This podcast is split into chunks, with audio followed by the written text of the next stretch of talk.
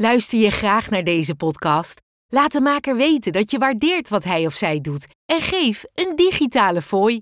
Dat kan zonder abonnement, snel en simpel via fooiepot.com. Fooiepot met een d.com. En ik had ook een afscheidsbrief geschreven. Dus ja, toen, kwam ik thuis en toen, eh, of toen mijn vriendin kwam thuis, want het was eh, waar wij samen woonden toen. En ja, ik lag oud, eh, lag ik eh, op, op haar bed, of op ons bed. En, en zij had die brief al gevonden. Dus ja, toen was wel, eh, ja, wa- was de shit aan, zeg maar. Ja. Je kan het je niet voorstellen. Hoe kan je nou in hemelsnaam van alcoholist naar marathonloper komen? Maar mijn gast vandaag, Klaas Boomsma, is dat wel gelukt en helpt andere mensen daar ook mee. Maar hoe doe je dat? Hoe werkt dat als je zo diep in een verslaving zit dat je van het een naar het ander komt? Nou, daar gaan we vandaag over hebben. Dus ik ben heel benieuwd wat hij te vertellen heeft. Lieve mensen, welkom bij een nieuwe aflevering van de podcast van Verslaving naar Vrijheid. Mijn naam is René van Kolm, heel fijn dat je kijkt en luistert. Vandaag is mijn gast eh, Klaas eh, Boomsma, de, broer van Arie. En eh, hij heeft een bijzonder verhaal. Ik ben blij dat je er bent, Klaas. We hebben elkaar eh, ontmoet jaren geleden op de dag van herstel. En toen zag ik je en dacht ik, hey, die gozer kijkt heel goed uit zijn ogen, maakt een bepaalde indruk op mij. Die wil ik gaan spreken. En eh, je stond al hele tijd op mijn lijstje. Het is natuurlijk toch, hè, om maar met de deur in huis te vallen, toch wel heel bijzonder. Want als ik denk aan iemand die in een verslaving zit, een alcoholverslaving, is hardlopen, sporten, bewegen überhaupt wel het laatste wat daarin zit. Want ik weet toen ik in mijn verslaving zat, ik was al te lui om van de bank af te komen naar de keuken te lopen, laat staan om te gaan sporten. Want er is toch helemaal geen energie en kracht voor. Maar bij jou is dat helemaal omgedraaid. En nou, als we teruggaan en we gaan terug naar het begin van jouw geschiedenis, eigenlijk uit wat voor een soort gezin kom jij? Ik kom uit een gezin met vijf kinderen, waarvan ik de middelste ben. Eh, mijn vader eh, was dominee en is dat eigenlijk nog steeds, want hij preekt nog steeds eh, af en toe. En ook al is hij 81 inmiddels. Mooi. Ehm, dat betekende ook dat we best vaak verhuisden. Eigenlijk om de vijf jaar gingen we wel ergens anders. Ging ergens anders spreken? Ja. Of, ja, ja. dan eh, had hij het idee van, nou, nu hebben de mensen mijn verhaal wel gehoord. En tenminste, zo zei hij het zelf. Ik denk bij hem zelf ook wel eens dat er bij hem zelf ook wel een soort onrust zat. Ja. En, eh, en eh, zucht naar iets nieuws. Eh, wat ik ook wel herken.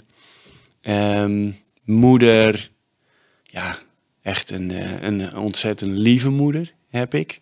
En ook eentje van haar heb ik het, het gepieker en het je, je snel ergens zorgen over maken. Eh, en daar op een, ja, toch ook wel, ik vind het een mooie manier eh, mee om. Zij kan er op een mooie manier mee omgaan. Ik was daar minder goed in. Ehm, ja, en ik was echt, echt zo de middelste, weet je wel. Dus eh, ik wilde altijd proberen de harmonie te bewaren met twee broers boven me die hard rebelleerden. En, eh en je het ja, ook over Arie en je Arie en, en Koos. Die Ja. zijn ouder dan jij bent. En die zijn Ja, ouder ja, dan ik. ja. En ehm, ja, dus dat, dat was een beetje mijn, mijn plek in dat gezin. Jongetje, eh, ja, veel piekeren. En ehm, ik, ik kon op zich prima mee. Ik had vriendjes, ik ging goed op school. Dat was allemaal oké. Eh, maar het heeft mij mijn hele leven altijd wel moeite gekost om me te verhouden tot andere mensen. Altijd erg bezig met hoe kom ik over. Ehm, ik noem dat de, de interne verslaggever. Die was altijd eh, erg nadrukkelijk aanwezig. Weet je wel, altijd, altijd mezelf beoordelen Ja, ja. over eh, hoe ik dingen deed en eh, hoe ik me moest gedragen. Dat is eigenlijk ook wel onzeker, toch wel? Ja, ja, ja. ja. ja. nee, absoluut. En ik, ik, ik vond echt wel manieren om eh, daar overheen te... Ja, misschien niet schreeuwen, maar overheen te gaan over die onzekerheid. Maar ehm, het, ging, het ging allemaal niet vanzelf. Nee. En, en ik vraag ook vaak van, was er bij jullie thuis, was het een gezin waarin gesproken werd over gevoelens? Want bij mij thuis gebeurde dat bijvoorbeeld, er was van alles, maar er gebeurde, het werd Ja. nooit over gesproken. Nee, nee, dat was niet, eh, niet eh, de, de traditie. Nee. En eh, dat is ook iets wat mijn, moeder, mijn ouders zich tot op de dag van vandaag heel erg afvragen. Van, hoe kan dat dan stond, dat we daar niet voor open stonden? En eh, ja, dat antwoord kan ik, kan ik ze ook niet geven. Nee. Maar ik kom niet uit een traditie eh, van eh, vertellen, van echt je, je ziel Ja. op tafel leggen. Zeg maar. Dat zou je zeggen met een domineus vader je Ja. ziel op de Ja, ja zo, zo zie tafel. je. Dat, Ja, maar ja. het, dat, dat, dat, ja, dat is. Ik denk ook dat het voor hem makkelijker is om met mensen te praten die iets verder afstaan. Ja, dat is altijd En, zo. hè, dat dat het je eigenlijk zelf minder raakt. Ja. Dat, dat vooral. Nou ja, en wat, wat mij altijd opvalt in mijn werk en wat ik zelf ook ken, is dat je zegt dan, ja, mijn ouders praten ook niet, maar die hebben het ook weer vanuit hun Ja. thuis weer niet meegekregen. Nee. Dus, en hoe dichterbij, hoe moeilijker het onderwerp, hoe minder over gesproken wordt. Ja, Ja. zo gaat het vaak. Doe maar niet. Doe maar niet, ja. Ongemakkelijk. En, eh, Ja. Maar goed, maar je was een onzekere jongen en toen je opgroeide, hoe ontwikkelt zich dat? Want je zegt de, de interne verslaggever, hè, dus heel erg Ja. dat piekeren, nadenken, in je hoofd zitten. Ja, ik was er het meest op mijn gemak als ik gewoon alleen op mijn kamer was met een boek. Hm. Dus eigenlijk was dat al een soort ontsnapping. En, en op een gegeven moment ook met snoepen. En toen ik zakgeld kreeg, weet je wel, dan eh, echt lekker op mijn kamer en een soort, soort comfort Ja. zoeken, zeg maar. Eigen En, feestje eh, bouwen met een ja. boek en zo. Ja, ja, ja, ja. dat was het. En ik, ik speelde ook echt wel ook met vriendjes. Maar als ik echt op mijn gemak wilde zijn, Ja. dan was het toch alleen. En eh, met iets om mijn gedachten af te leiden. En, eh, en iets wat me ja, troost bood. En, en ja, als dan toen ik een jaar of dertien was voor het eerst drank erbij kwam. Ja, dat, dat was echt een, een soort, soort wondermiddel. En niet dat ik dat op dat moment zo bewust erv- ervaarde, maar eh, dat was wel dat ik voor het eerst merkte: hé, hey, ik neem iets. En die eh, interne verslaggever die houdt zijn mond. Ja, zeg zijn maar. bek, ja. en, eh, en ik, ik durf en ik. Nou, Ja. Het ging ook meteen mis trouwens, weet je wel. De eerste keer was meteen ja, afgevoerd naar huis. Helemaal oud gegaan van de drank. Ehm, maar ja, dat onthield ik niet. De eerste keer gewoon Eerste gelijk al, gelijk ja. door, door het lint. Ja. Ja. Een buurjongen had een eh, fles eh, jenever meegesmokkeld. Die liep stage in een, in een slijter. Dat kon toen nog als minderjarige. en eh, ja, en, en dus ja, drinken en, en meteen ook meer dan de rest. En Ja. weet je, we hadden die fles ergens verstopt en ik bleef de hele tijd naar buiten gaan. Dus dat, dat ging meteen mis. Ja. En, eh, en dat bleef, dat, was echt een patroon ook. Meteen in mijn, tien, in mijn tienerjaren al. Ja, dus dat grenzeloze eigenlijk gelijk daarin doorschieten. Ja. Maar Ja. dit is toch eigenlijk alweer, hè, de- en niet om het eh, te niet te doen, maar het, een beetje het standaard verhaal van iemand met een verslaving. Hè, dat de eerste keer dat gelijk doorgaan. Sommige mensen hebben dat ook niet. Maar vooral dat de interne onrust, de onzekerheid, dat zoeken, ja, dat Ja. ken ik ook zo goed. Hè, dat niet goed in je vel zitten, eh, in je eigen bubbel zitten, Ja. waar het dan veilig voelt. Hè. Maar eigenlijk is het allemaal ongemakkelijkheid. Hè. De, Dat is het. Weet Ja. je wel, ik, ik, ik probeer, weet je, ja, je kent het waarschijnlijk, maar als je ken aan mensen zeker. wil uitleggen van wat dan, hè, wat dan het gevoel is Ja. wat bij, bij verslaving hoort. En ja, er hoort van allerlei gevoelens, maar eentje bij mij heel sterk was altijd onrust. ja. Of het nou eh, onrust in de vorm van eh, de- eh, depressieve gevoelens Mm. was, of eh, zorgen of angst.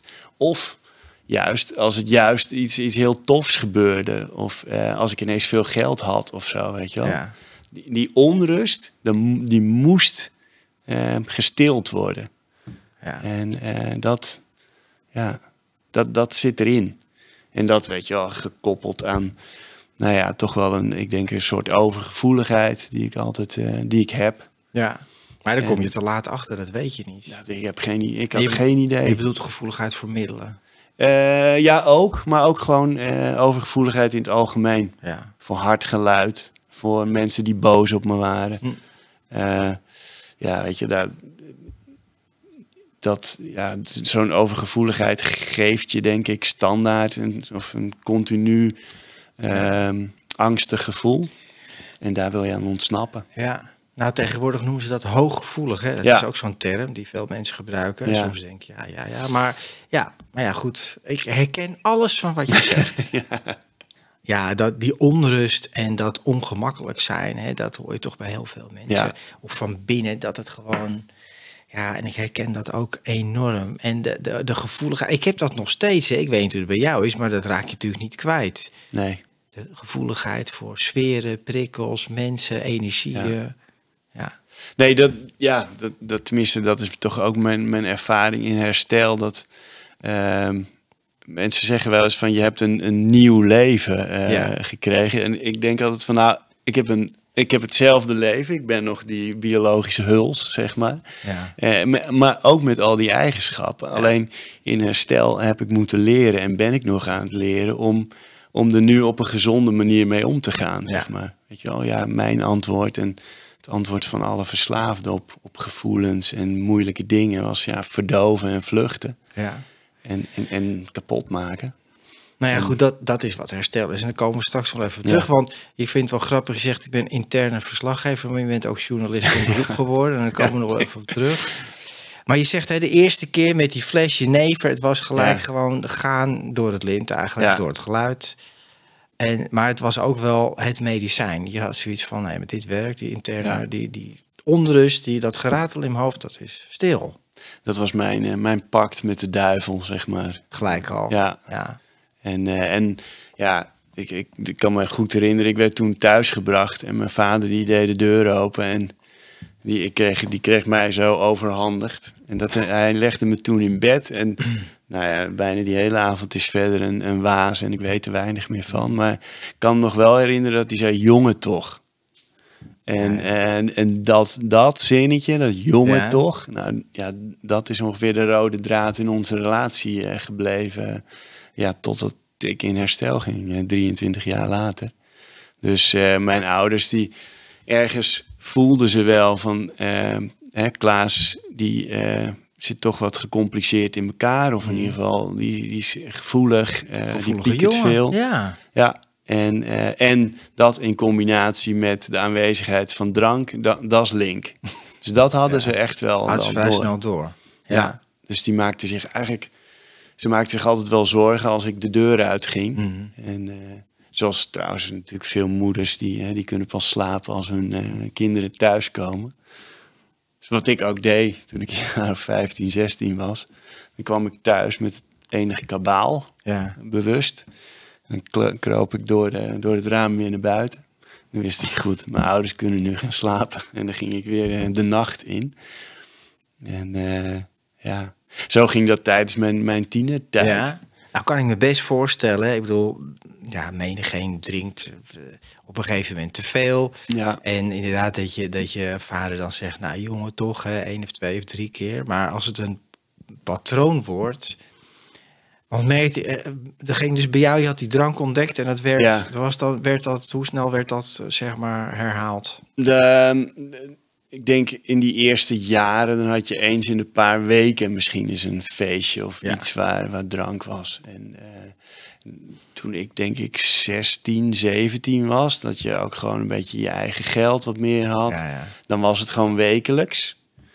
En ja, dat werd gewoon steeds vaker. Dan was ik 17, 18 zat ik nog op de middelbare school. En hè, dan ging je door de week ook nog wel eens voetbal kijken met vrienden. Nou, dan werd er ook bij gedronken. Daar kwamen ook op een gegeven moment kwam het blowen kwam erbij. En het bleef allemaal nog wel. Ook omdat ik gewoon een stabiele thuissituatie had. Ja. En, en hè, Schoolopleiding. ja, dat ging eigenlijk ook oké. Ja.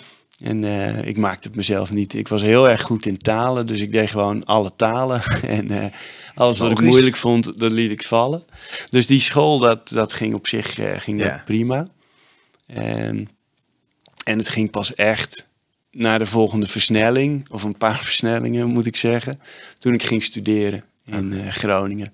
Ja. En ja, daar eh, liep het eigenlijk gewoon echt meteen wel gierend uit de klauwen. Daar, daar, toen woonde je ook niet meer thuis natuurlijk. Nee, woonde ik op kamers en eh, ik kon niet wachten natuurlijk om op kamers te gaan wonen. En ja, dat was, ja, eigenlijk was het gewoon iedere dag drinken.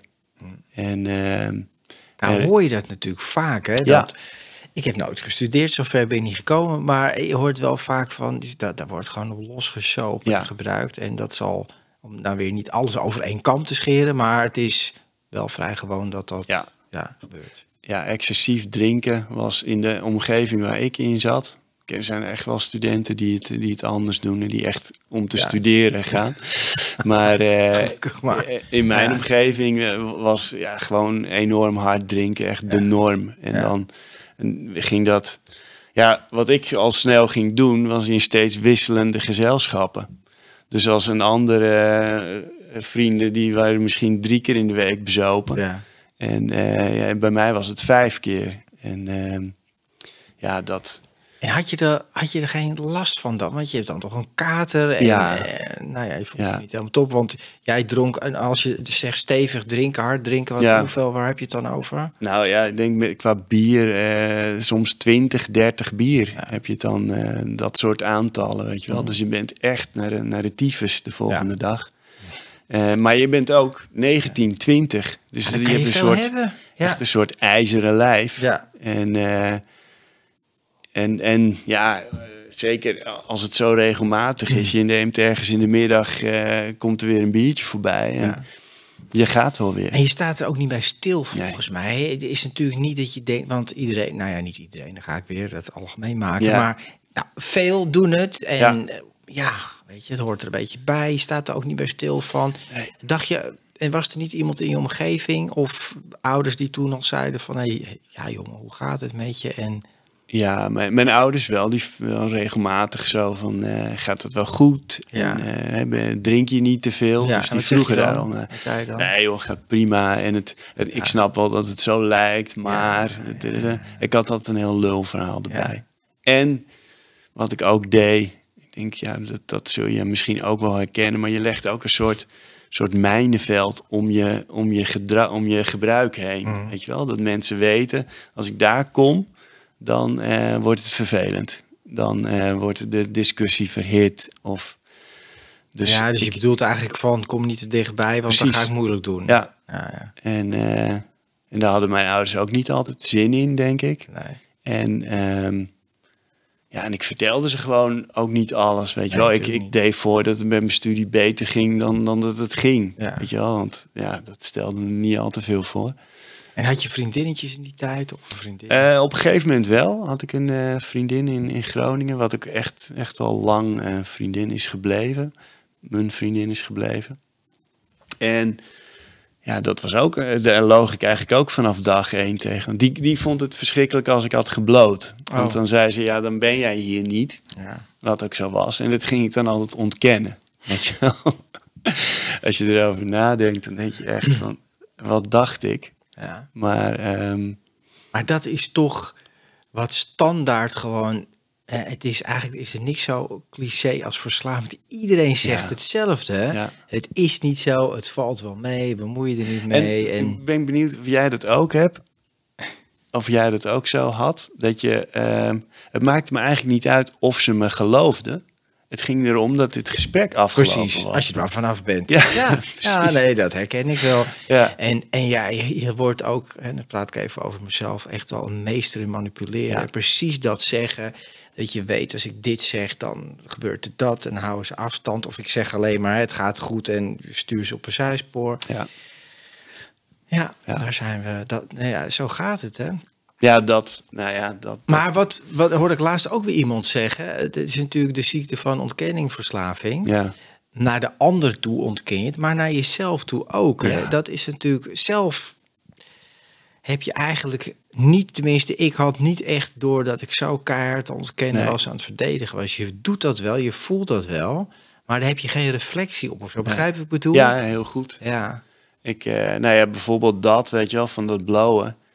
Eh, dan, dan dacht ik altijd van, ja, ik zou het ook gewoon niet kunnen doen. En dan hebben we dit hele gesprek niet, weet je wel. Dat is ook, Maar dat is ook een goeie, ja. En, en maar nooit de, het inzicht van ja, maar ik, ik, ik kan helemaal niet kiezen meer, weet je wel. Als ik, eh, als ik thuis ben, eh, ja, dan wil ik een, een jointje roken. Ja. En ja, Ja, en wat Dat- is nou eigenlijk het probleem, toch? Ja. Dat. En Ja. ik, ik, dat, dat gebeurde zeker in mijn studententijd. Dat ik, eh, dat ik het gewoon voor me uitschoof.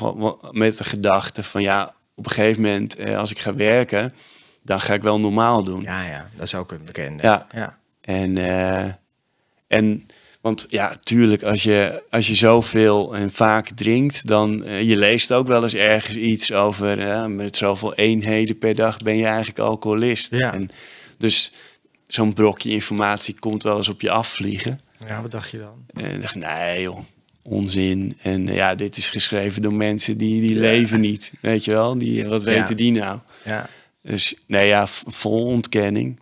En alleen, dat zeg maar, ik heb lang ingeschreven gestaan aan de universiteit. Een deel daarvan ook gestudeerd. Eh, en het, begint, het begon bij mij wel echt zich op te dringen van... hé, hey, dit wordt wel een beetje problematisch. Ja. Want je doet te weinig. En, ehm, dus, dus je leven begon er, hè, de negatieve consequenties, die Ja. be- begonnen tevoorschijn te komen. Ja. ja. En ook het, het deprimerende, eh, wat, wat eh, ja, downers, Ja. of alle drugs eigenlijk, eh, met zich meebrengen, is dat je, eh, ja, je, je begint je toch vaak schuldig te voelen. En eh, je, ja, je doet allemaal dingen waar je voor gaat schamen. Mm. Eh, je beg- ik begon me wel zorgen te maken over, over de toekomst. ja. Wist je ja. nog wat je deed als je gedronken had? Of was je Heel vaak niet. Dingen waarvoor ik me schaamde. Wat ging je op de bar staan? Of ging je Ja, mensen- dat of van, die, van die dramatische discussies dat ik begon te huilen en echt, weet je, wel, of we weer in bed plassen en echt, echt lelijk. Er was weinig eh stoer rock and rolls aan, zeg maar. Het was gewoon treurig. Ja. En eh, En hoe oud was je toen dat het treurig werd, zeg maar? ja, ik denk Ongeveer. begin, nou toch wel begin twintig. Ja. Ja, dat dat toen echt al wel eh, begon. En dus echt on, ja, om in verslavingstermen onhanteerbaar begon te zijn. En ehm, ja, en ja, in die tijd kwamen ook de, eh, de pillen eh, kwamen eerst. Ja, ja. En eh, Dus Ja, van het een naar het ander. Ja. Ja. En had je weer een nieuws. nieuw, ja, dacht ik van, nieuw maar dit is tof. Ja, Want ik, ik. Ja. ik voel me ook weer helemaal wakker. Ja. En, en Coke kwam, kwam er toen ook deze intreden in die laatste fase. En wat ook gebeurde was, eh, toen begon ik ook steeds vaker na te denken over, ehm, over mezelf te vertellen. Als alles mislukt, eh, maatschappelijk, Ja. sociaal, dan kan ik er altijd nog een eind aan maken. Mm. En dat, Het is toch wel heftig al, eh, Klaas, dat je dan Ja. zo of iets, dat, dan zit je echt al in een heel ander spectrum natuurlijk. ja, Het is eigenlijk wel ook wel een depressieve uh, uitsprakengevoel. Ja, nee, ja maar dat, ja, dat, dat was het ook wel. Ja. En ik vond leven, vond, ik vond het zo lastig om eh, te leven zonder eh, onder invloed te zijn. Ja. Dat eh, ja, ik dacht van ja, wat, hè, wat, wat is Ja. het waard? Weet Ja. je wel? Maar altijd wel met het idee, maar goed, daar zijn we nog niet. Ja. En ja, dus dat. eh, Maar ik denk echt zo dat dit is zo de spijker op zijn kop slaan voor elke wie en wat het ook voor verslaving is. Hè. Leven zonder dat ding te doen waar je dan verslaafd aan bent. Dat is gewoon saai. Het is moeilijk. Het is niet leuk. Ik dacht vroeger ook vaak van het leven zonder gebruik of onder invloed zijn is gewoon ook heel saai. Ik zag Ja. dan die mensen. Die gingen dan 's ochtends op de trein naar hun werk. Ja. Dacht ik, nou, het is echt wel het ergste wat er is. En dan Ja. was ik natuurlijk muzikant en dacht ik allemaal heel rock and roll. Wat ook allemaal gebakken lucht is. Maar, ja, maar eigenlijk, als ik dat wel zou doen, kwam ik in zo'n ongemakkelijkheid terecht. dat. Ja, weet je, ik kom daar gewoon Ik helemaal was daar niet... bang voor. Ja, bang. Gewoon heel erg bang om gewoon... En ook niet weten, hoe, hoe moet ik nou Ja. een gewoon leven leiden? ja. Ja. Nee, dat is. Ik, want ik heb die, die, die studie eh, rechten heb ik afgemaakt. Nou, dus eh, ik ben wel knap met, met al die middelen die je opnoemt. echt, echt eh, met, met ja, minimaal. Ik, ik studeerde zeg maar om een tentamen te kunnen halen. Niet om de stof te beheersen Ja, of wat dan ook. Gewoon, Precies ja. zo. Eh, en in het laatste jaar van die studie ben ik, eh, heb ik mijn kamer opgezegd in Groningen. Ben ik naar mijn ouders gegaan. Hmm. En heb ik daar de laatste vakken eh, vanuit daar gedaan en mijn scriptie geschreven. Dus met een soort laatste krachtsinspanning. En met behulp van mijn ouders. In ieder en- geval van die omgeving heb ik dat afgemaakt. Mhm. Maar ik durfde helemaal niet te solliciteren daarin. Hm.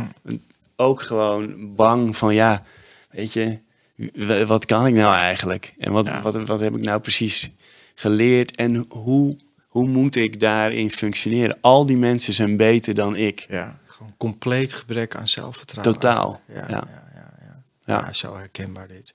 Maar als je naar die periode met zoveel middelen en drank thuis kwam bij je ouders, zei, die niet, zei je vader dan niet weer van, och jong, Ja, gaat het wel wat met gekke je? was- Of, Ja, nou, wat vaak gebeurde, dan was ik geweest. ja, En dan, ik, ik weet nog een keer, dan kreeg ik een brief van mijn moeder in Groningen.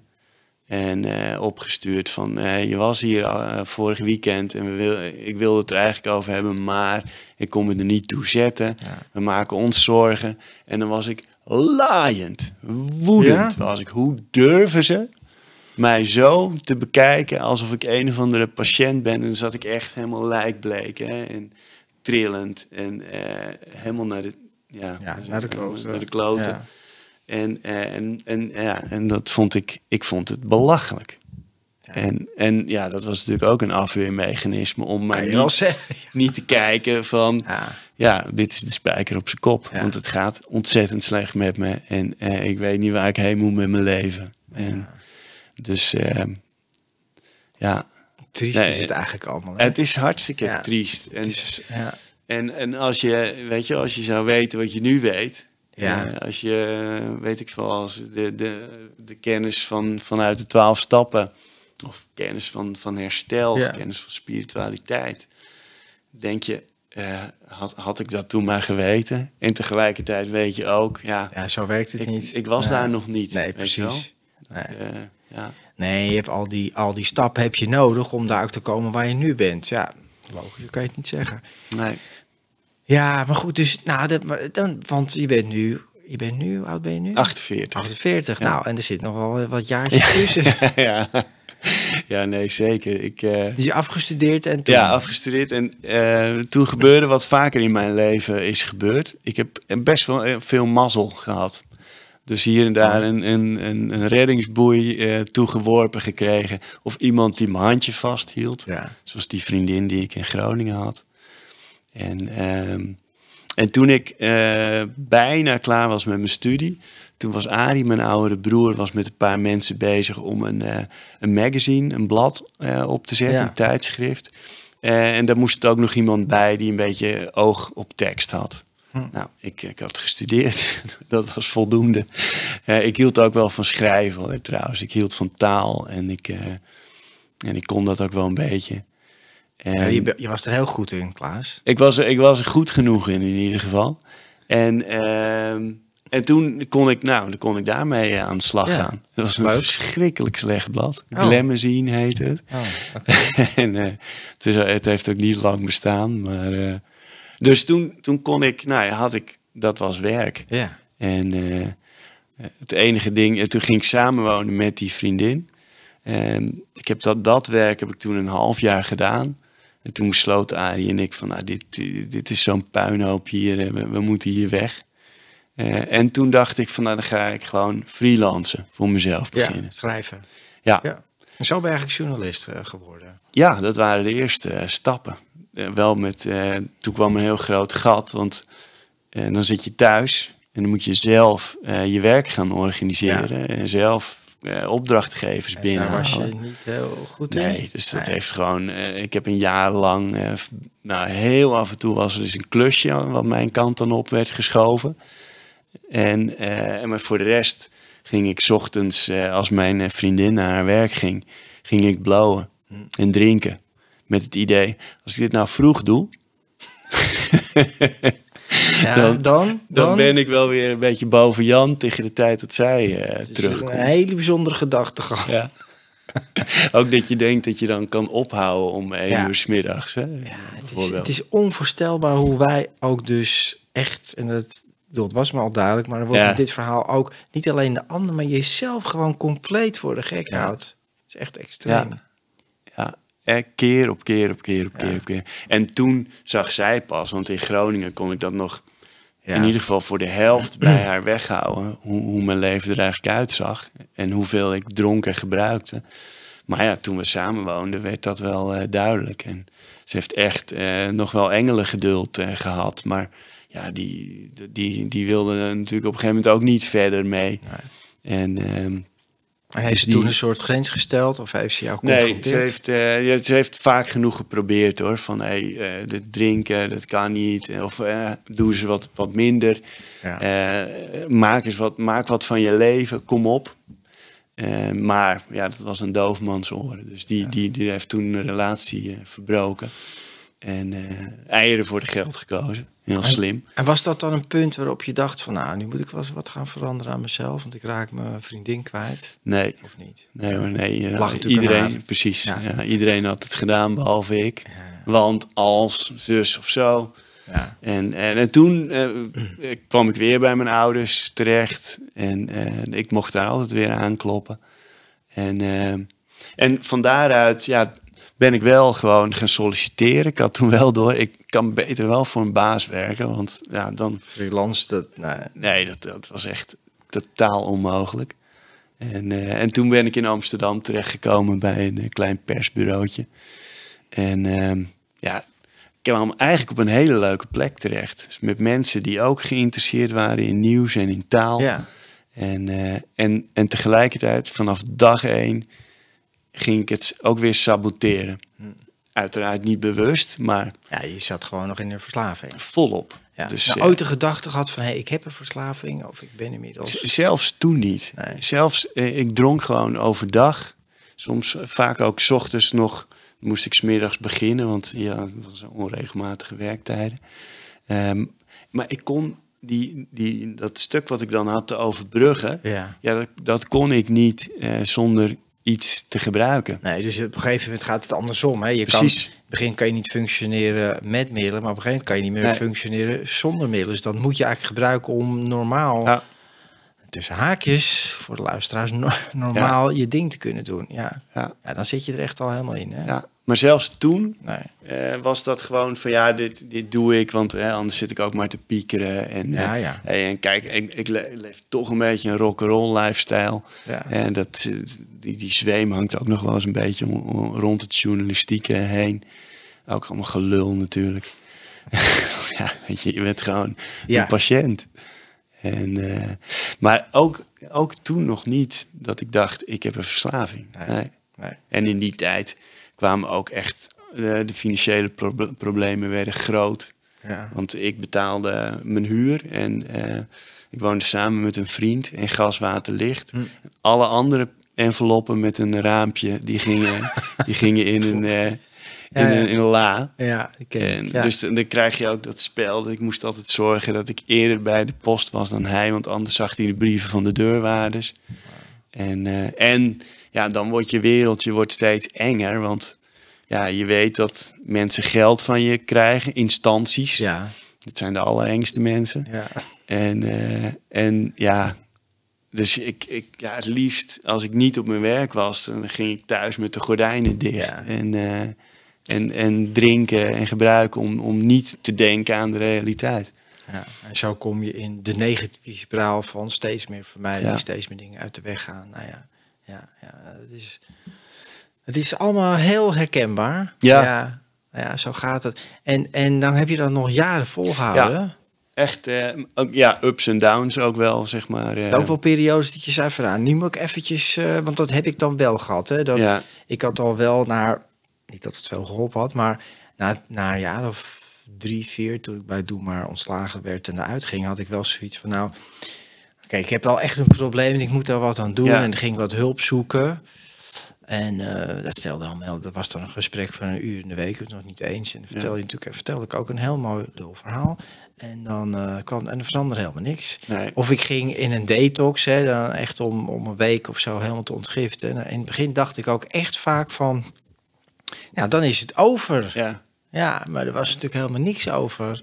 nee, Want Ja. ik was nog steeds die, die zielige figuur die niet weet hoe hij zijn leven moet leiden. ja. Nou ja, goed, en zielig is misschien niet het goede woord, maar gewoon dat je dat gewoon niet weet en eigenlijk gewoon ook niet kan. Ja, dan val je dus zo weer terug. Maar jij had dus nog steeds niet van, nee, ik moet eens met een Nee. dokter of een instantie gaan praten. Ja, heb helemaal, zeg maar, dat was, ik, ik, dat was ook, ik, ik had mezelf, ik bleef mezelf altijd ook al die tijd door steeds vertellen, als het allemaal misgaat, maak ik er een eind aan. Ja. En er is een moment gekomen, eind 2008, dat ik dacht, eh, vandaag ga ik dat doen. Dus in oktober, 20 oktober 2008, en niet naar mijn werk gegaan. En echt toen het plan van vandaag moet ik dat gaan doen. Ja. En eh, dat is uiteindelijk niet gebeurd. Eh, dit- ik heb wel een, een halfslachtige poging gedaan. Ehm, en, en ik had ook een afscheidsbrief geschreven. En eh, dus ja, toen, toen kwam ik thuis en toen, eh, of toen mijn vriendin kwam thuis, want het was eh, waar wij samen woonden toen. En ja, ik lag oud, lag ik op, op haar bed of op ons bed. En, en zij had die brief al gevonden. Dus ja, toen was wel, ja, wa- was de shit aan, zeg maar. Ja. Dus zij heeft toen ook mijn broer erbij gehaald, Ari. En, ehm, eh, en, en, m- en mijn zusje. En ja, toen, en toen heb ik wel allemaal verteld van wa- wat er gaande was. En, ehm, en dat was ook het moment dat ik dacht van ja, ik moet nu wel, ik moet, er moet, dan moet wel iets gebeuren. Da, daar was ik het dan wel mee eens. Maar uiteindelijk, en toen ben ik naar de Jellinek eh, gegaan. Hm. En, en ik heb, ben eh, groepstherapie gaan volgen. Maar ja, het, was, het was gewoon niet vanuit, vanuit Nee. mijn, mijn, mijn ziel. Nee. Het was, dat was eigenlijk echt, jongens, kijk, ik doe er iets, doe er aan. iets aan. Ik ben me bewust van Ja. eh, dat ik mijn leven wel een beetje ja, moet nou, veranderen. het erover. Zijn we goed? en, eh, en toen ben ik inderdaad, eh, ben ik, even kijken, dat was vanaf 1 januari ook mooi, tot aan ergens in april, begin april, heb ik niet, ge, niet gedronken en geen drugs gebruikt. Tijdje gestopt met roken ook nog. Eh, en ja, goed, toen eh, tegen die tijd was ook, eh, had ik loonbeslag bij mijn werk, dus ik was aan het afbetalen. Ja, ja. En, en wat er gebeurde, ik had me ingeschreven voor allemaal quizjes waar je geld mee kon verdienen. Ik denk, hè, misschien kan ik het zo oplossen. En, en, en ik werd voor eentje uitgenodigd bij, bij Carlo Boshart. Hm. En ik won in die quiz ook nog 33.000 euro. En ik, ik had genoeg geld gewonnen om die loonbeslagen af te, eh, weg, te, weg te poetsen, zeg maar. Eh, en om een paar openstaande bedragen eh, af te lossen. En dus ja, en mijn problemen waren opgelost. Ja. Dus zodra ik wist dat ik dat geld had, was alles overboord. Dus gestopt met, met het stoppen. Dus ik kon wel weer drinken. Ja, ja. En Je had even je Eigenlijk- problemen opgelost. Ik, ik, Ja. ik won, ik wist dat ik het kreeg op een woensdag. En ik geloof dat ik die, die zondagavond eh, met vrienden ging ik naar Ajax. Eh, daar weer eh, flink gedronken. Gingen we daarna naar een verjaardag van iemand. Daar liep een, eh, een gast waarvan ik, wie ik wist dat hij speed dealde. Hop, hele nacht niet thuisgekomen. En, en dit was nog redelijk na die mislukte zelfmoordpoging. Dus ja, alle alarmbellen gingen overal natuurlijk af. En, eh, en die ochtend mijn werk bellen, ik kom niet, want ik ben ziek. Dus het was onmiddellijk helemaal terug bij Ja, af. Zodra ik weer wat geld in mijn zak had. Ja, maar er was natuurlijk ook nog wezenlijk niets veranderd. Helemaal niets. En, en jouw broer Arie of andere mensen, waren niet zoiets van, nou weet je, je moet nu dit en, en echt Ja. druk erop zetten bij jou? N- ehm, nee. Niet, niet op die manier. Nee. Nee. Misschien wisten ze ook niet goed hoe ze ermee om moest gaan. hè? Totaal, nee. Dat weet je, met Arie vaak gesprekken over gehad. En eh, die zei ook van ja, weet je, ik was ook ergens bang eh, dat ik jou dan, dan kwijt zou raken. Of eh, dat je dat ik gewoon niet meer zou zien wat Ja. je aan het doen was. Ja. En, en dat, want dat deed ik nu ook al wel, weet je wel. Ik, als het echt heel belabberd met me ging, dan nam ik gewoon twee weken de telefoon niet op. Ja. Ja, dat, dat, dat wat je nu zegt, hè, dat is iets wat ik zoveel tegenkom. Wat Ja, heel dat zul bizar is. ja. Hè? Ja, ja nee, als familiecounselor Ja. kom ik dat tegen dat mensen dat zeggen. Ja, maar als ik dat doe, dan raak ik ze helemaal kwijt. Maar ze realiseren niet, je bent, je bent hem al helemaal kwijt. Weet je, ik bedoel dat jij twee weken de telefoon niet opneemt als het moeilijk wordt of wat dan ook. Je bent iemand al helemaal kwijt. Ja. Eh, Het is toch echt een kwestie van zwemmen of verzuipen. Maar is- de familie is te voorzichtig hè, met eh, mensen met verslaving. Ja. Ja, nee, dat, dat is ook. Ja. Weet je wel, en, eh, want zelfs, kijk, mijn vader of mijn broer, als ik weer met een van de lulverhaal aankwam van, ja, ja maar ik moet de energierekening betalen, Ja. is hoger dan ik dacht. En eigenlijk, tenminste, ik denk, ja, en, eh, achteraf gezien eh, hebben ze dat ook wel eens bevestigd. Iedereen in de Kamer weet dat dit niet waar is. Wat ik nu zit te vertellen, hè, eh, dus mag ik 250 euro lenen. Iedereen weet dat het niet waar is. En toch gaan ze En ermee toch gaan ze het geven. Ja, En, ja, eh, ja. dat, is het, dat ja. is het probleem van verslaving in de families. Hè? Ja, Je, ze voelen van het klopt niet, het kan eigenlijk niet. En het is een lulverhaal, dat weten ze ook. En toch doen werken ze eraan mee. Nou ja, dat is bij mij ook zo jaren, jaar in, jaar uit zo gegaan. ja, En ik begrijp het ook, want ze denken... ja, maar als we het niet doen, dan gaat het nog slechter met je. ja, Ja, ja, ja. En zo zit iedereen in de houtgreep van de verslaving. Ja, dat is zo. Maar uiteindelijk moet ik zeggen, is dat datzelfde mechanisme heeft me ook nog eh, gered eigenlijk. Ja, op een denk- gekke manier. Hoe dan? Maar let op, eh, mijn, eh, dus, de- nou ja, iedereen met verslaving weet ook, je kan een hele hoop façade ophouden, Ja. zelfs jarenlang. Alleen uiteindelijk Ja, het flikt de hele zooi in elkaar. En, en dat gebeurde bij mij ook. Ik werd opgepakt met drank op achter het stuur van de redactieauto van de krant waar ik toen werkte. Ehm, vriendin maakte het uit, want ja, die trok het niet meer. Die, eh, die ging er echt aan onderdoor. Ja. En toen hield niemand mijn handje meer vast. Dus dat werd Ja. allemaal nog erger. Eh, toen kwam ik weer een keer niet op mijn werk opdagen. Dat was al de zoveelste eh, keer. Ja. Zoveelste officiële waarschuwing zat daaraan vast. En toen moest ik naar eh, de redactie. We hadden ook een redactie in Rotterdam. Moest Ja. ik naartoe komen. En daar zou ik ontslagen worden. En eh, ja, ik ging daar naartoe echt wel met het idee van... Nu is het wel echt voorbij. En ik wist toen ook... Mijn broertje was inmiddels toen naar een kliniek gegaan. Ja. Wat Ander ik toen broertje. dacht, dat is heel goed dat hij dat doet.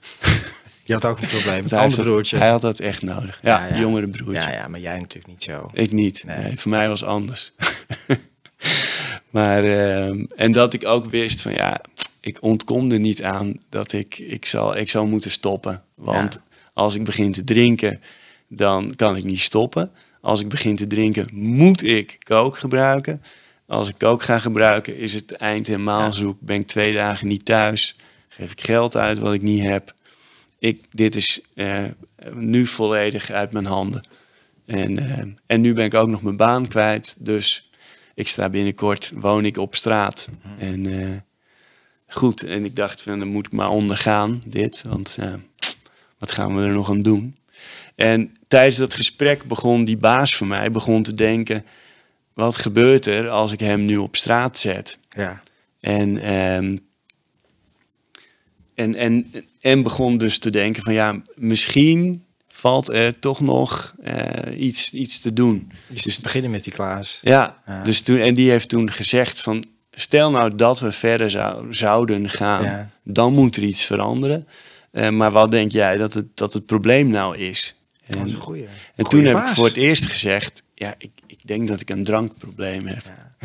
Heel voorzichtig, mm, klein. Ja, dus dat vond hij niet heel moeilijk te geloven. Nee, Maar, eh, maar en toen van ja, oké, nou ja, dat, dat, daar kunnen wij ons wel in vinden. Eh, maar ja, wat is dan de volgende stap? Ja. Dus toen heb ik gezegd van ja, mijn broertje, die, is net, die was toen net drie weken terug uit de kliniek. Hm. En eh, ik zeg ja, die heeft, die heeft dat gedaan. Eh, misschien moet ik ook zoiets doen. En eh, toen zei ze, nou ga maar uitzoeken wat er voor nodig is. En, eh, en kom, kom terug en dan bespreken we het. Dus toen, eh, toen ja, diezelfde dag, ja, diezelfde dag nog, heeft mijn broertje me met gierende banden naar de kliniek gebracht. Intakegesprek gedaan. En ehm, ja, eigenlijk afgesproken van, voor, voor een opname voor Ja. drie maanden. Buitenland. Eh, ja, Ja, ja. in Zuid-Afrika. En eh, dus daar dan zetten ze alles klaar, weet je wel. Van als jij nu belt en we zeggen ja, dan eh, is het definitief, dan ga je. Dus ik nog naar mijn werk om dat te overleggen. Dus één, kon ik één maand, had ik nog vakantiedagen. Want als goed verslaafde nam ik natuurlijk nooit vakantie op. Want wat ga ik doen? Ik heb geen geld. En, eh, en twee maanden in de ziektewet. En daarna kon ik gewoon terugkomen en had ik een baan. Wauw. Dus echt. Heb je wel echt een, echt een compliment voor je werkgever. Nou ja, die, eh, dat is eh, ongelooflijk. Ja. En het is echt geen, geen filantropisch figuur. Het is gewoon echt een stevige Rotterdammer Ja. van niet zeiken. En, dus Nou ja. ik, daar, dat is echt, ik vind dat nog steeds een soort wonder. En dat heeft mij enorm geholpen. Hij heeft je natuurlijk wel die kans gegeven. Het is, het is ook, je kan natuurlijk iemand helemaal afsnijden, maar je kan ook zeggen, het is of dit vriend of dat. Hij, en- Ergens dacht hij, het is nog niet eh, hopeloos. Nee. Het is nog niet verloren. nee. En, eh, en ik moet zeggen, op dat moment was die gang naar de kliniek, dat was gewoon ook een vlucht. Want ik dacht, dan ben ik weg uit Amsterdam. Ja. Eh, ik zie het wel als ik daar ben. Ik wist ook helemaal niet hoe ik het moest gaan betalen. Had ik ook gewoon gelogen in die kliniek van, eh, eh, kun, je, kun je dit betalen? Flink eigen bijdrage. ja. Tuurlijk, dat zien we dan wel weer. Zet mij maar op dat vliegtuig. En, en dat was eindelijk een keer een vlucht de goede kant op. ja. Dus, Mooi gezegd, de vlucht de goede kant Ja. op. Letterlijk en figuurlijk, ja. ja, En toen, want ik vind het best knap, hè, want ik heb begrepen van je, nou, je bent echt één kliniek geweest en het was bingo de goede kant op. Nou, dat is bij mij zeker niet gelukt en bij veel anderen ook Nee. niet. Maar wat is dan hè, voor mensen ook om te begrijpen, wat voor kwartje of hele rits, hele rolkwartjes is daar nou gevallen dat je Ja. vanaf dat moment nooit meer gebruikt hebt? Toen ik, eh, ik kreeg van mijn, mijn broertje een big book mee. Toen hij me Ja. eh, eh, de avond voordat ik naar de kliniek ging. Voor de En- mensen die niet weten wat de Oh, Big ja. Book is. Nou, dat is, je hebt de AA, Ja. de anonieme alcoholist. En dat is een, ja, hoe moet je het zeggen? De, de, de, de, de, de Bijbel. De- nee, de- ja, er staan allemaal verhalen in. Ja, maar En- het is ook een standaard boek. Er staat ook een methodiek in, die twaalf stappen en, en ervaringsverhalen. Het is het boek van het van Ja. de AA. Ja. En een, en een, nou ja, weet je wel, door die verhalen die erin staan. En die leggen, vertellen eigenlijk van dit is alcoholisme. ja. Volgens, volgens eh, ons. Ja. En ik begon dat te lezen en ik dacht echt, ja, dat, dat, dat ben ik. En eh, weet je wel, ook die het verhaal van, eh, van, van Bill Wilson, Ja. de oprichter van AA. Hoe hij steeds weer, eh, het lijkt alsof hij zijn shit together heeft. En, en nou, als je het zit te lezen, denk je, ja, maar je denkt toch niet dat dit gaat, hè, dat, dat, het- dat je nu weer kan drinken. En, Ja. eh, en ik vond het, het zo herkenbaar allemaal, dat ik eigenlijk nog voordat ik in Zuid-Afrika aan was gekomen, ja, dat was ook een ding, want dan moet je twaalf uur vliegen Ja. in die open bar die, eh, die zo'n zo'n vlucht is. Ja. En, en van tevoren dacht ik, 12 uur vliegen, ik ga nog één keer helemaal eh, naar God. Ja. En, ehm, en toen eh, in, eh, ik was eerst twee dagen detox eh, in, eh, in Nederland nog, op de Veluwe. En toen heb ik die ochtend, voordat ik wegging, dacht ik, als ik dat nu doe, als ik ga drinken op die vlucht, dan wordt het nooit wat. Dan, eh, dan ben ik hier de rest van mijn leven mee bezig. En dus toen heb ik besloten, dat ga ik niet doen. En, en ben ik heel braaf de Big Book gaan zitten lezen in het vliegtuig. Het is toch ook gek hoe dat werkt, hè? Want Ja. ik bedoel, ja, weet je, dat, dat, op, dat er gebeurt er toch iets in je... wat Ja. misschien ongrijpbaar is en, en niet, niet goed te begrijpen ook... waardoor je dan toch dat besluit neemt en dat lukt dan ook, hè? Ja, Om dan niet te drinken op zo'n vlucht en zo'n boek te gaan lezen. Ja. En aldoende dat boek lezen begonnen er wat lampjes te branden. Ja, eh, allemaal lampjes. Dacht echt van, ik, ik hoefde niet meer te overtuigd te worden dat ik, eh, dat ik verslaafd ben. Ja. En, eh, en ja, ik weet niet. Ik, en, en- de, en, en er zijn dingen. Ik heb ook gewoon geluk gehad met precies de goede counselor die ik daar kreeg. Pas overleden, Frank, helaas. Ehm, maar ja, die prikte zo door mij heen. Ik kwam binnenlopen en die zag meteen wat voor iemand ik was. Ja, dus die, die, die denkt, ja, praatjes, jij, jij lult je overal uit, dat zien we zo. En die ging de hele tijd van, ja, maar, wat zeg je nou? En, eh, dus die ging met mij aan het oefenen, over, ook gewoon in eerlijk zijn. En eh, ja, en eh, die heeft me tot wanhoop gedreven uiteindelijk. Dat ik woedend en, en in tranen eh hem uit begon te kafferen. En ja, maar het, het werkte wel. Ja. En, en, ja, en in die kliniek ging ik ook ervaren hoe het was om al die, al die schuld en schaamte ehm, naar Ja. buiten te brengen. En, eh, Dat is natuurlijk in zo'n. Als je echt in herstel gaat, dan moet je ook. Zoals jij symbolisch zegt, ik stopte alles in een la. Maar Ja. dan moet je die la dus gaan opentrekken met al die brieven al die die nooit. enveloppen. Hè, maar die enveloppen van gevoel, van schuld, maar ook praktisch, hè, schuld, alles gewoon de hele Ja. shit moet je dus onder ogen komen. Ja, Dat valt niet mee. nee. Nee, daar zou je liever van wegrennen. Ja. En dat deed ik ook in de, in de kliniek. Daar begon ik ook met het hardlopen. Ja, maar dan wegrennen, oh, hardlopen. Ja. want daar is eigenlijk dat begonnen. Ja. Want ik neem aan dat jouw conditie, we nou een kleine stap maken Ja. naar sporten, ik denk dat dat niet heel top was. Nee, want daarvoor nee, deed je dus- niks aan sport. Nou, ik, ging, ik had van die fases dat ik eh, een tijdje naar de sportschool ging. Ja, En wel weet je wel, dan, dan twee weken heel fanatiek Ja. en, eh, en dan weer heel lang niks. en op, soms durfde ik niet, want dan was ik bang dat het maandelijkse abonnementsgeld niet was afgeschreven. En dan kon je dat poortje niet door. Oh, dus dan durfde ik gewoon Ja. die weken niet naar de sportschool, omdat ik bang was eh, dat het poortje zou. Nou ja, Ja. typisch. Maar eh, dus nee, ik was niet. eh, Nee, je was niet in een Nee. lekkere conditie. En, En, en daar ben je het hardlopen tegengekomen of Ja, de- opgepakt? ik zat daar in die, in die ontbijtzaal een van de eerste ochtenden. En er kwamen een paar mensen binnen en die hadden dat gedaan. Ja. En als ik nu aan terugdenk, dan, dan hoor ik bijna, zag ik ze binnenkomen met het, het engelenkoor van halleluja. en eh, dat, wat, ik denk wat me erin aansprak was dat het zag eruit van, oh, die, oh, die hebben het heft in handen genomen. Hm.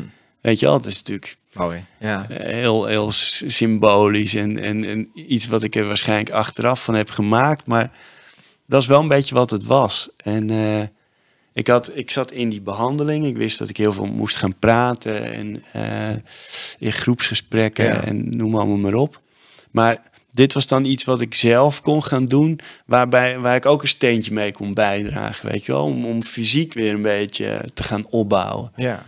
En, ehm, en dat, ja, toen nam ik me voor, dat ga ik dan om de dag doen. Dus niet meteen iedere dag, want hè, dat, dat zou ook weer een verslaafd ding zijn.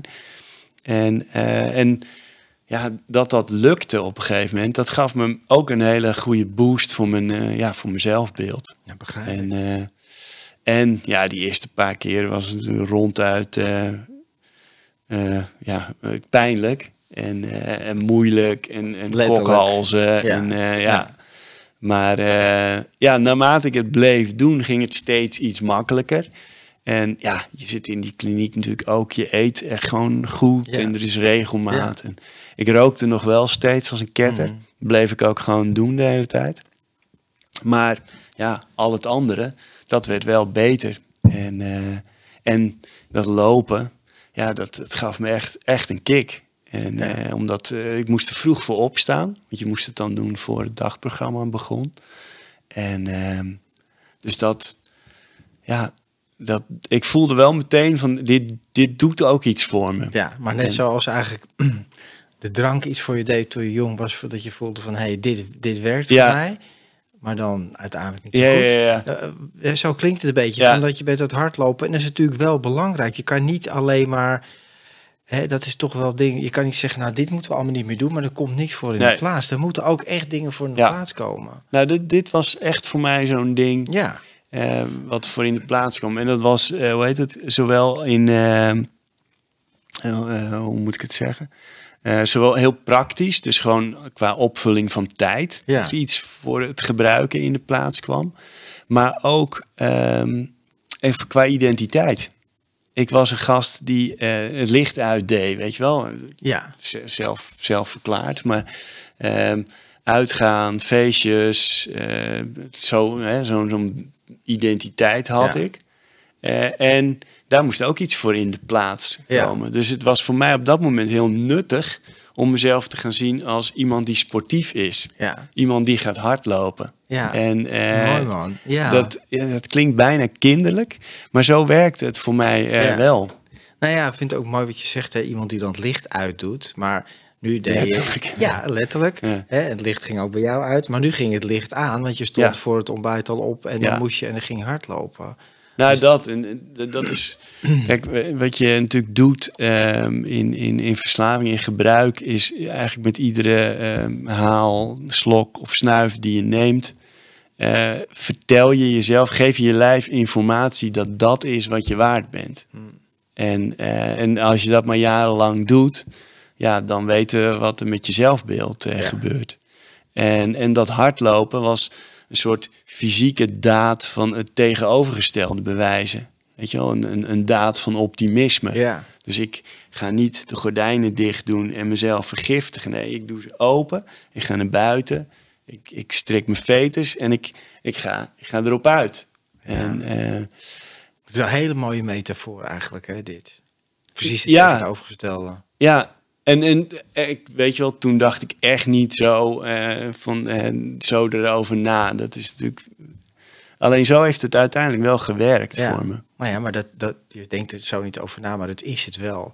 Ja, Weet je, en het is toch, het is ook de beweging, in jouw geval letterlijk, hè, die Ja. je maakt van inderdaad terugtrekken, vermijden en, en alles afsluiten en alles daar houden tot eh, erop uitgaan, de gordijnen open doen, opstaan en naar buiten gaan in een verhoogd tempo aan Ja. de gang gaan, hè, hardlopen. Ja. En dan nog 's ochtends ook, dat is natuurlijk iets wat we ja niet, in nee, Zuid-Afrika, dat helpt natuurlijk ook. ja, dat helpt wel. Nou goed, maar je moet even een lekker beginnetje hebben. Ja, Zuid-Afrika, mooi weer. Ja, Ja, nou ja, maar goed, en op een gegeven moment wordt dat... En dat heb je er altijd ingehouden, want nu... eh, want hoe lang ben je nu in herstel? nu eh, even kijken, als ik eh, geen gekke dingen doe, ben ik eind, ben ik eind november ben ik eh 12 jaar in herstel. Ja, nou ja, Ja. super, super knap. En ja, de, en dat, ja, dat hardlopen. Kijk, het is wel, want ik krijg natuurlijk wel eens reacties via social media Ja. of zo van, van, van mensen die net, net als wij onze ziekte hebben. die dan denken van als ik nou ook ga hardlopen, dan komt het wel dan goed. komt het allemaal goed. Ja, Dus ik kan niet genoeg benadrukken dat ik ben niet nuchter ge- geworden of gebleven hardlopen. door het hardlopen. Echt, dat is eh, ja, eh, erkennen dat ik verslaafd ben en eh, het, het vinden van een hogere macht. ja. Dat is wat, mij, wat mij nuchter heeft Ja. helpen worden. En hoe, hoe ziet dat dan, dan bij jou uit van... nou, spiritualiteit en hogere Ja. macht, dat is wel echt, hoewel het woord hogere macht, ik noem het gewoon God. Maar, God, ja. ja. Ja. maar hoe ziet dat, hoe, dat betekent dat voor jou dan? Je vader was dominee. Maar Ja, dat was ingewikkeld. Ja. want ik had daar echt met, met wel, eh, echt wel met, met ferme afstand van genomen. Ja, En eh, echt zo, zo heel rationalistisch van mensen hebben geloof nodig, want Ja, we ja. kunnen niet tegen open vragen. Ja. En, eh, en, eh, en- en daar, nou ja, daar was ik vrij uitgesproken in. Dus in, in, toen ik die Big Book begon te lezen en ik kom gewoon om de, de tien, tien zinnen kom ik het woord God tegen. ja. En dan ga je die stappen lezen. Ja. Ja. en bij stap 2 ben je al aan de beurt. ja. Dus eh Ja, maar wat- daar wat- gaat het al over. God. En dat je die nodig hebt om, eh, om in herstel te kunnen zijn. er zijn zoveel mensen, wat ik heel jammer vind, die dan gelijk afhaken. Ook als ze dit horen, denken ze, oh, krijg je dat ja, over. God. Nou ja, maar dat, en dat, en dat had ik. Ik dacht, ik, ik was in ieder geval wanhopig genoeg. En wat dat betreft vind ik het echt mooi hoe die stappen zijn opgebouwd. Ja.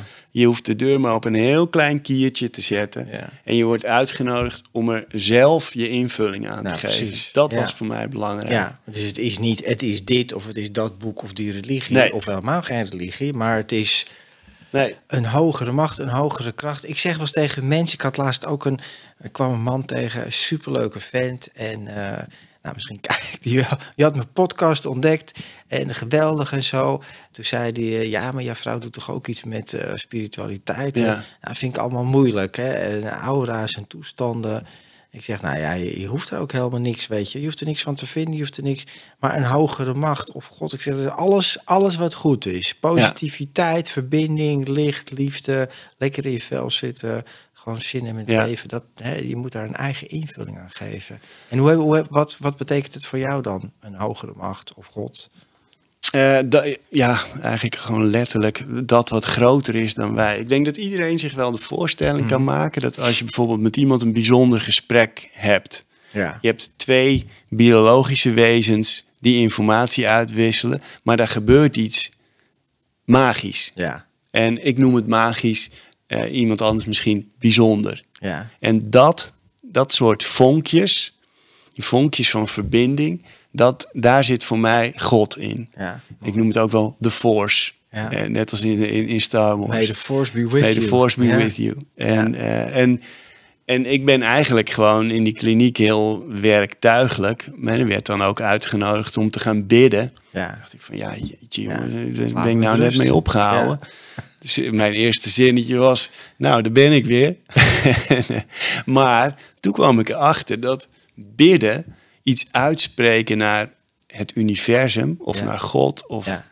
Hoe je het ook in de ruimte, Ja. hoe je het maar wil noemen, eh, dat het een hele, eigenlijk een hele effectieve manier, heel praktisch eigenlijk, Zeker. om je, je dat onbestemde gevoel, wat ook iedereen kent, om dat te verwoorden. Ja. En of je begint gewoon met, ik voel, ik voel iets, maar ik weet niet precies wat Ja. het is. Ik voel me ontevreden, ik voel me angstig, ik voel me dit, ik voel me dat. Om dat te gaan doen, Ja. ja, dat is gewoon een heel krachtig iets. Ja. En dan merk je die eeuwenoude tradities, zoals bidden, die in alle verschillende culturen bestaan. Ja, ah, daarom doen mensen dit. Ja, En- en dat is het ook. Dat is, voor mij is dat het ook. Hè.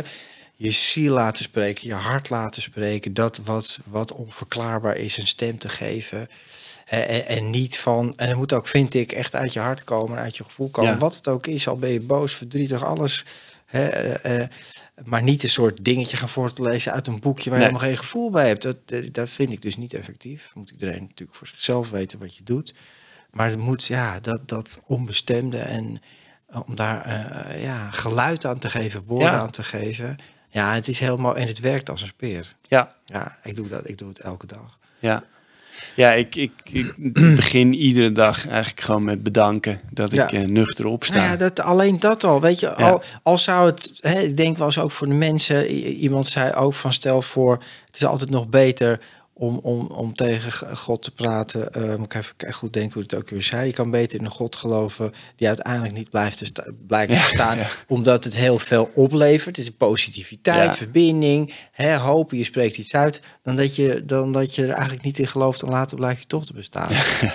Dan heb Nee, je ja. misgeslagen. Het- dat is het. Kijk, ik, ik vind eerlijk gezegd, eh, mensen hebben het wel eens over zweverigheid als Ja. het over spiritualiteit gaat. Ja.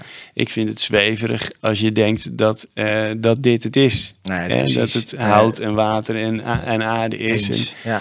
eh, en dus, en ja, kijk, ik ben door, eh, door mijn verslaving Ja. en door het herstel daarvan, eh, ben ik weer gaan nadenken en gaan zoeken naar, eh, over en naar spiritualiteit.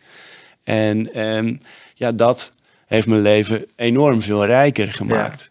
Nou ja, En, eh, dat, dus dat, dat is het ook. Het is een soort verbreding Ja. van je bewustzijn, zo kan je het ook Ja. noemen. Alle woorden dan geven. Ja. ja. En je mag, daar, je mag het helemaal zelf invullen. Dat vind ik, eh, dat is een mooie gedachte. Maar dat, zo moet het ook zijn. Het, het, op het moment dat je het gaat kanaliseren, het is alleen dit. Nou, dan slaan we al de plank wat, wat mij betreft. Maar goed. Ja.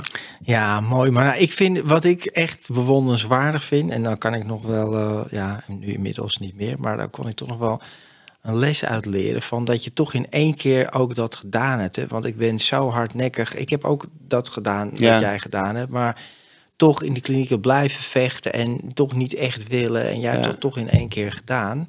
Nou goed, Ja. het valt. Het, het is natuurlijk allemaal een kwestie van dat ding op zijn plek vallen. Ja, ja. dat is het. Weet je Ja. wel. Ik zie dat nog, nog altijd ook, ook absoluut niet als iets wat ik zelf heb gedaan. Maar ik heb bepaalde dingen die met mij mee eh, hebben gewerkt. Zo, zoals zo'n baas die dat Ja. op dat moment Ja. zegt. En dat ik terugkom in Amsterdam eh, en dat ik gewoon een dagbesteding heb. Ja. Dat is natuurlijk een, een, een godsgeschenk. Eh, dat mijn familie altijd dichtbij is gebleven. Dat mijn broer zei, kom maar, kom maar hier maar wonen. En we zien wel wanneer je weer wat vindt. En dus ik had. En, en dat, eh, dat ik in Amsterdam woonde, dat ik iedere dag naar een meeting kon gaan. Ja. Eh, dus dat er zo'n netwerk bestaat. Dus Ja, dat Wat heb dat je ook allemaal gedaan natuurlijk. ja, ja, ja. en Ik heb dat is al die nodig. dingen. Ja, ik was want denk echt- niet dat je één kliniek en dan is het klaar en Nee. opgelost. Nee, je moet er nou echt nog Nee, dan dan blijven begint het. doorpakken. Ja, dan begint het. Ja, precies. En, eh, en, Ja. en ik, ik was wel echt op een plek dat ik al die dingen die ze zeiden, eh, die ging ik doen. En ik was ook gewoon echt bang om terug te Ja. vallen. Ja. En, en met recht ook, weet je wel. Want al die mensen die ik eh, mee in de kliniek heb gezeten, ja, de, de meeste zijn teruggevallen en soms, sommige heel erg, sommige jarenlang. Ja. Maar bij al die mensen is allemaal wel een zaadje geplant. En eh sommigen heeft het ja, misschien wel tien jaar gekost. Alleen ze wisten wel wat er was. En dat er iets is eh, wat je uit die ellende kan trekken. En eh, ja, dat. eh, ja, en, en bij mij is, het, is, het, is dat zo gegaan, is het goed, goed gegaan en daar ben ik heel dankbaar voor. Ja, nou meer dan goed. En, ja. eh, en, en ja, goed. En zo heeft iedereen zijn eigen weg. Weet je wel? Dat, zo eh, is het ook. Ja, mooi Klaas. Nou Klaas, ik dank je wel. Ik wil je bedanken voor dit eh, gesprek en voor je openhartigheid. Ik vind het echt, echt fijn om te horen en een, echt een mooi verhaal ook. En eh, ja, voor mensen die dit herkennen of hier herkenning in hebben, deel dat met anderen. Like deze, de- deze video, maar ook als je hem luistert op je podcast app, deel het met anderen. Abonneer je op dit kanaal. Eh, Want hoe meer mensen dit horen, dat het mogelijk is om te herstellen van wat voor een waanzin van verslaving of gekte ook het kan. En ik hoor het elke keer opnieuw, het wordt elke keer bevestigd. Dus hoe mooi is dat? En als je denkt, hé, dat hardlopen dat is super tof. Als er iemand veel van weet. Klaas Boomsma is jouw, jouw website. Je hebt een website, je hebt meerdere Eh, dingen. Ja, eh, als je mij via Instagram, Klaasboom, dan, dan, dan vind je me wel. Vind Anders je even hem? googelen. Nou, googelen. Hè, als mensen willen hardlopen, trainen voor een marathon, een halve marathon, dan kunnen ze bij jou terecht. Ja, hoor. Niet, mij niet bellen, want ik sport wel, maar dat niet. Lieve mensen, dank jullie wel voor het kijken en het luisteren eh, van deze aflevering. Ik hoop jullie heel graag te zien bij een volgende. Dank je wel en blijf sporten en blijf in herstel. Luister jij graag naar deze podcast en wil je de maker ondersteunen voor alle moeite en toffe content? Geef dan, als je wat kan missen, een digitale fooi. Dat doe je via met een d.com zonder abonnement of het achterlaten van privégegevens. Dus fooiepot met een d.com.